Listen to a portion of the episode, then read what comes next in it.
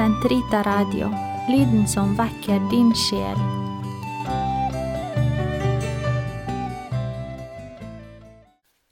John Henry Newman, liberalteologiens far eller fiende, ex umbris et imaginibus in veritatem, fra skygger bilder mot sannhet.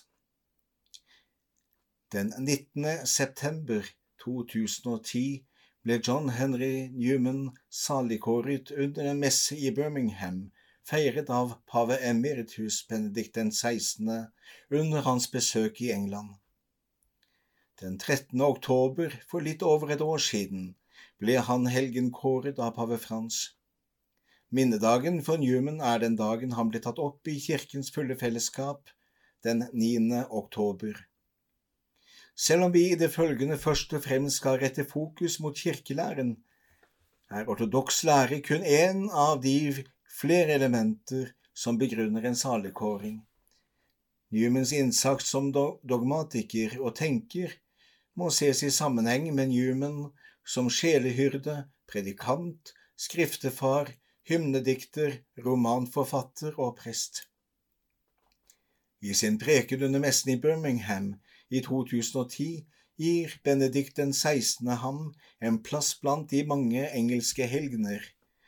Han sa blant annet i sin preken han er verdig til å ha sin plass i en lang rekke av helgener og lærde fra disse øyer.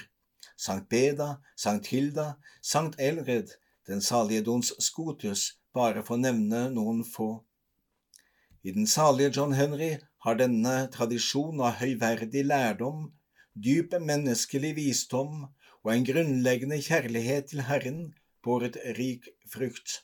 Som et tegn på Den hellige ånds stadige nærvær, dypt i hjertet av Guds folk, der den frembærer utallige gaver av hellighet. Da Newman døde den 11. august 1890, skrev avisen The Times innledningsvis A great Englishman has just died. Hva var det med denne kirkens mann som gjorde ham så stor i samtiden? Hva det var med ham som gjør ham til mer enn en historisk skikkelse og til en mulig kirkelærer også for vår tid? Og endelig, på hvilken måte har Newman bidratt til den teologiske tenkningen i kirken de siste 150 år? Da pave Johannes den 23. åpnet det annet Vatikankonsil nesten 50 år tidligere, innledet det en prosess i kirken der vi gjenfinner mange av de tanker Newman hadde tenkt, det han hadde forkynt, bedt over og diktet om i et par mannsaldre tidligere. Han er derfor blitt kalt det annet Vatikankonsils far. I den katolske katekisme finner vi fire sitater av Newman hentet fra bokens ulike seksjoner. Et indisium om at Newman har fått prege ulike sider av det kirken tror og lærer. Likevel, det er spesielt Newmans bidrag til tenkningen om og under hvilke kriterier kirkens lære utvikler seg hans bidrag til tenkningen om hva et universitet skal være og ikke skal være, og forholdet mellom allmenndannelse og religiøs utdannelse, og ikke minst det han har bidratt med i forholdet mellom tro, tanke og samvittighetens plass. Newmans tanker er blitt tatt til inntekt for at kirkens lære kan og må endre seg, og for en ren subjektiv forståelse av tro og tanke. Det har ved noen anledninger kommet til uttrykk under dette pontifikat. Et betimelig spørsmål må da være er det grunnlag for denne bruken av den salige John Henrys bidrag til kirkens trosarv? Er han virkelig en av liberalteologiens fedre, eller blir dette en urimelig tolkning av ham? Det er selvsagt umulig innenfor en kort artikkel og gi en full oversikt over alt det Newman har skrevet i sine teologiske skrifter, prekener, bønner og salmetekster. Det favner for så for vidt og stikker for dypt til å dekkes av denne presentasjonen. La oss heller her forsøke å tegne noen streker av Newmans teologiske bidrag, i håp om at en konklusjon kan trekkes ut ifra dette. De streker jeg i det følgende skal forsøke å tegne, er først noe om Newmans praktiske spiritualitet. Jeg vil så si noe om det prinsipp Newman bygde, på, bygde mye av sin teologi på, det han kaller sakramentalprinsippet. Denne grunntanke eller prinsipp om hvordan Gud virker gjennom Kirken, men også gjennom det enkelte menneskets samvittighet, får videre konsekvenser for rettferdiggjørelseslæren og kirkesynet hans. Newman mener å finne grunnlag for en slik grunntanke gjennom studiene av kirkefedrene fra de første århundre av kirkens historie. Denne grunntanken knytter kirken i fortiden sammen med kirken i hans samtid, men strekker seg videre mot vår egen tid og førte ham frem til konversjonen i 1845. Dette var en grunnleggende prinsipp i tanken om hvordan kirkens lære utvikler seg ut fra tåke og bruk av bilder hen imot sannhet. Newman er ikke så kjent på norsk mark, selv om en av hymnene hans har fått plass i både Den norske kirkes salmebok som vår egen i gjendiktningen av Peter Hognestad. Vi kjenner hymnen under tittelen Lei ljos. i denne hymnen finner vi et viktig tema i Newmans liv, tjeneste og forfatterskap. En tro som innebar en lydighet mot den flik av Guds planen Gud lot ham få se. Han hadde ikke hele oversikten, men skrev og stred frem i tro. Jeg treng er sjå min veg så langt og vidt, eit steg er nok åt meg. Lei milios eller Lead Kindly Light som det opprinnelig heter, er en hymne om etterfølgelse, selv om den i min tid i Den norske kirke oftere blir sunget i gravferd.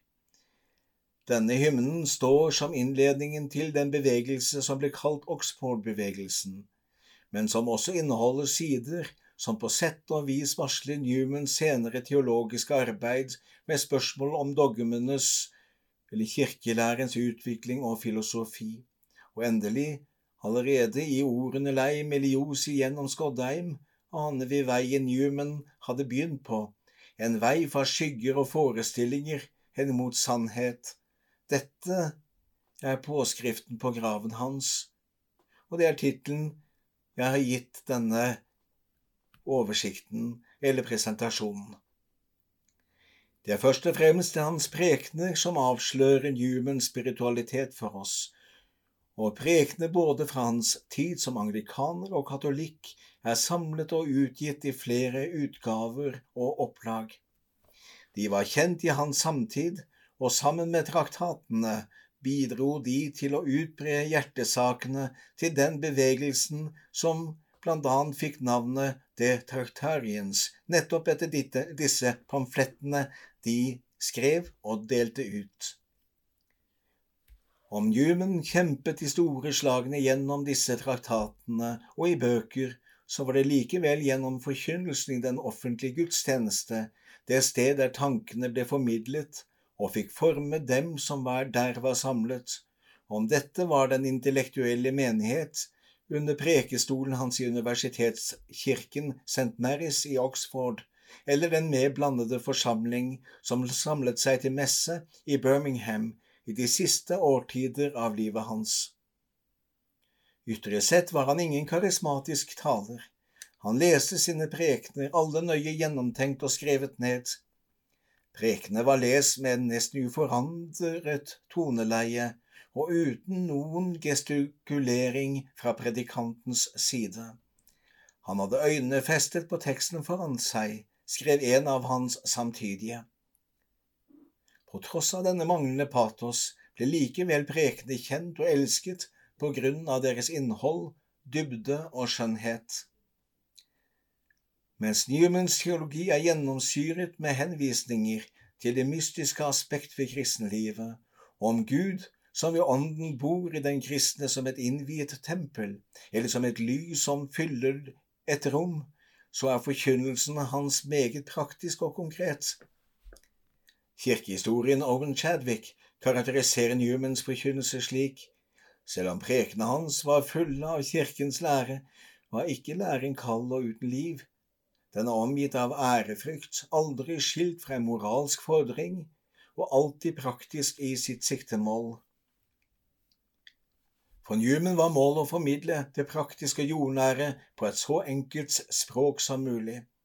Språket hans var derfor fri for tomme klisjeer og vage banaliteter, noe han beskyldte tidens evangelikale for ikke å være. De kunne ikke si noe på en for naturlig måte, kunne han si. Og han skriver, inntil vi forstår at nådens gave er usynlig, overnaturlig og et mysterium, har vi bare å velge mellom å bortforklare Skriftens opphøyde og glødende uttrykksform, eller å forklare den på en måte som er uvøren, respektløs og på en måte som gjør en selv viktig. Predikantens oppgave var ikke å fremstille Kristi person på en uvirkelig måte, som bare en idé eller en visjon, skriver Newman videre.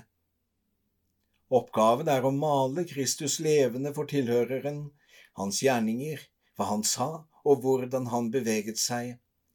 Det var slik Jesus levde på jorden, og som menigheten leste om i sin bibel.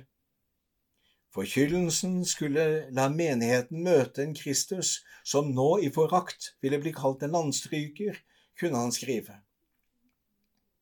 Læresetningene om Kristi verk skulle ikke dominere over de læresetningene som pekte på Kristus som person.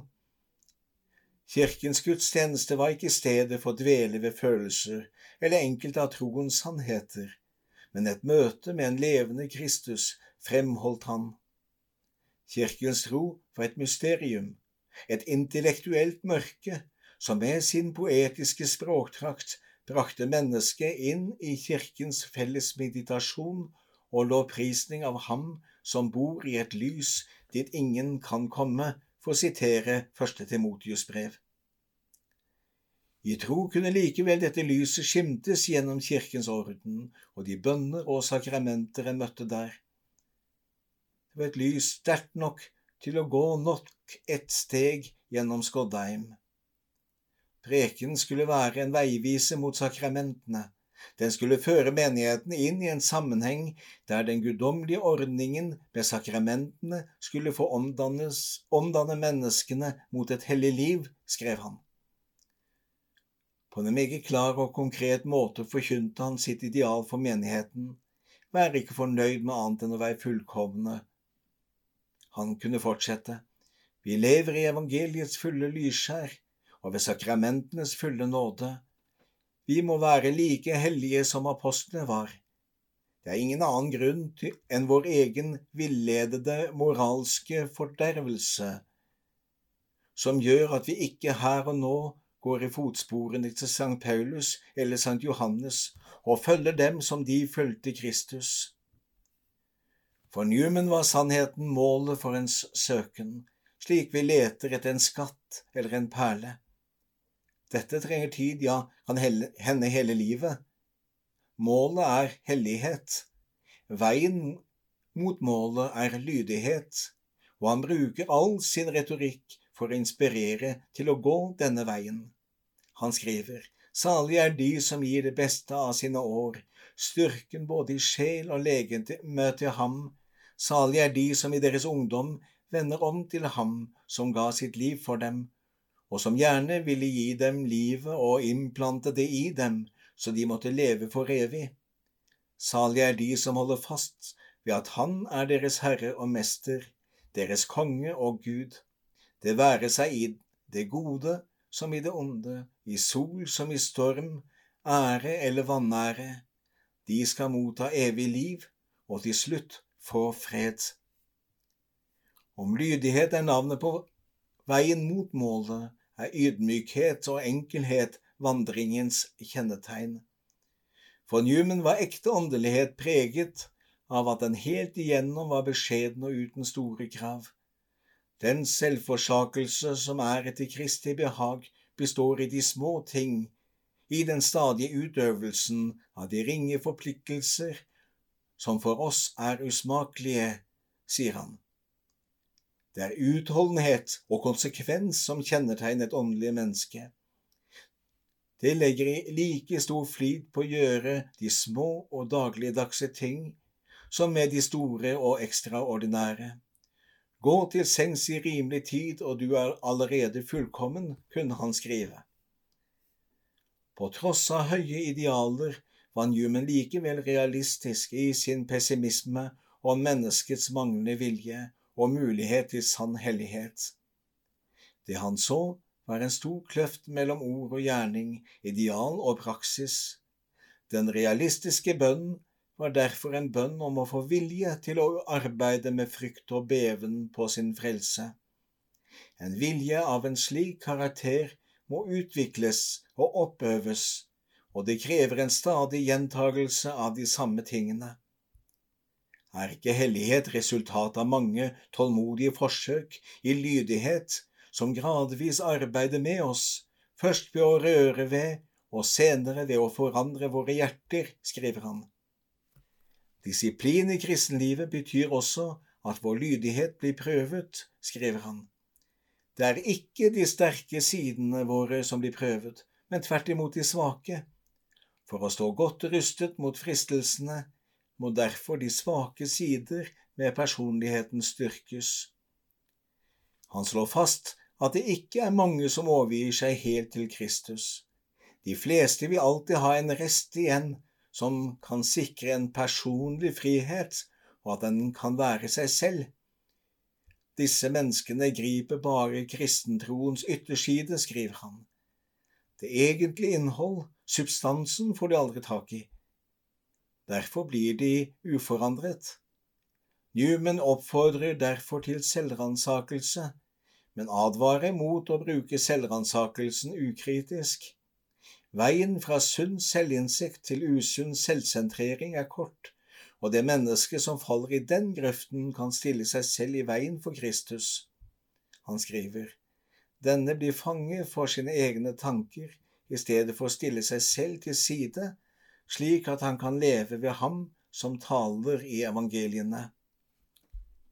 Det Newman karakteriserte som ekte tro, måtte være en tro som gjennomsyret den troendes følelser, tanker, tale og gjerninger. Den tro som ikke gjorde dette, var passiv og uekte. I prekenen, som har fått tittelen Unreal Words, eller uekte ord, advarer han sin menighet. Å bekjenne er å leke med skarpe redskaper om vi ikke er oppmerksomme på det vi sier. I motsetning til samtidens evangelikale så han ikke omvendelsen som en engangshendelse, men mer som en livslang utvikling mot målet. Kjærligheten til Gud og mennesker besto ikke av flotte ord og vendinger, men ved en handling i lydighet mot Kristus.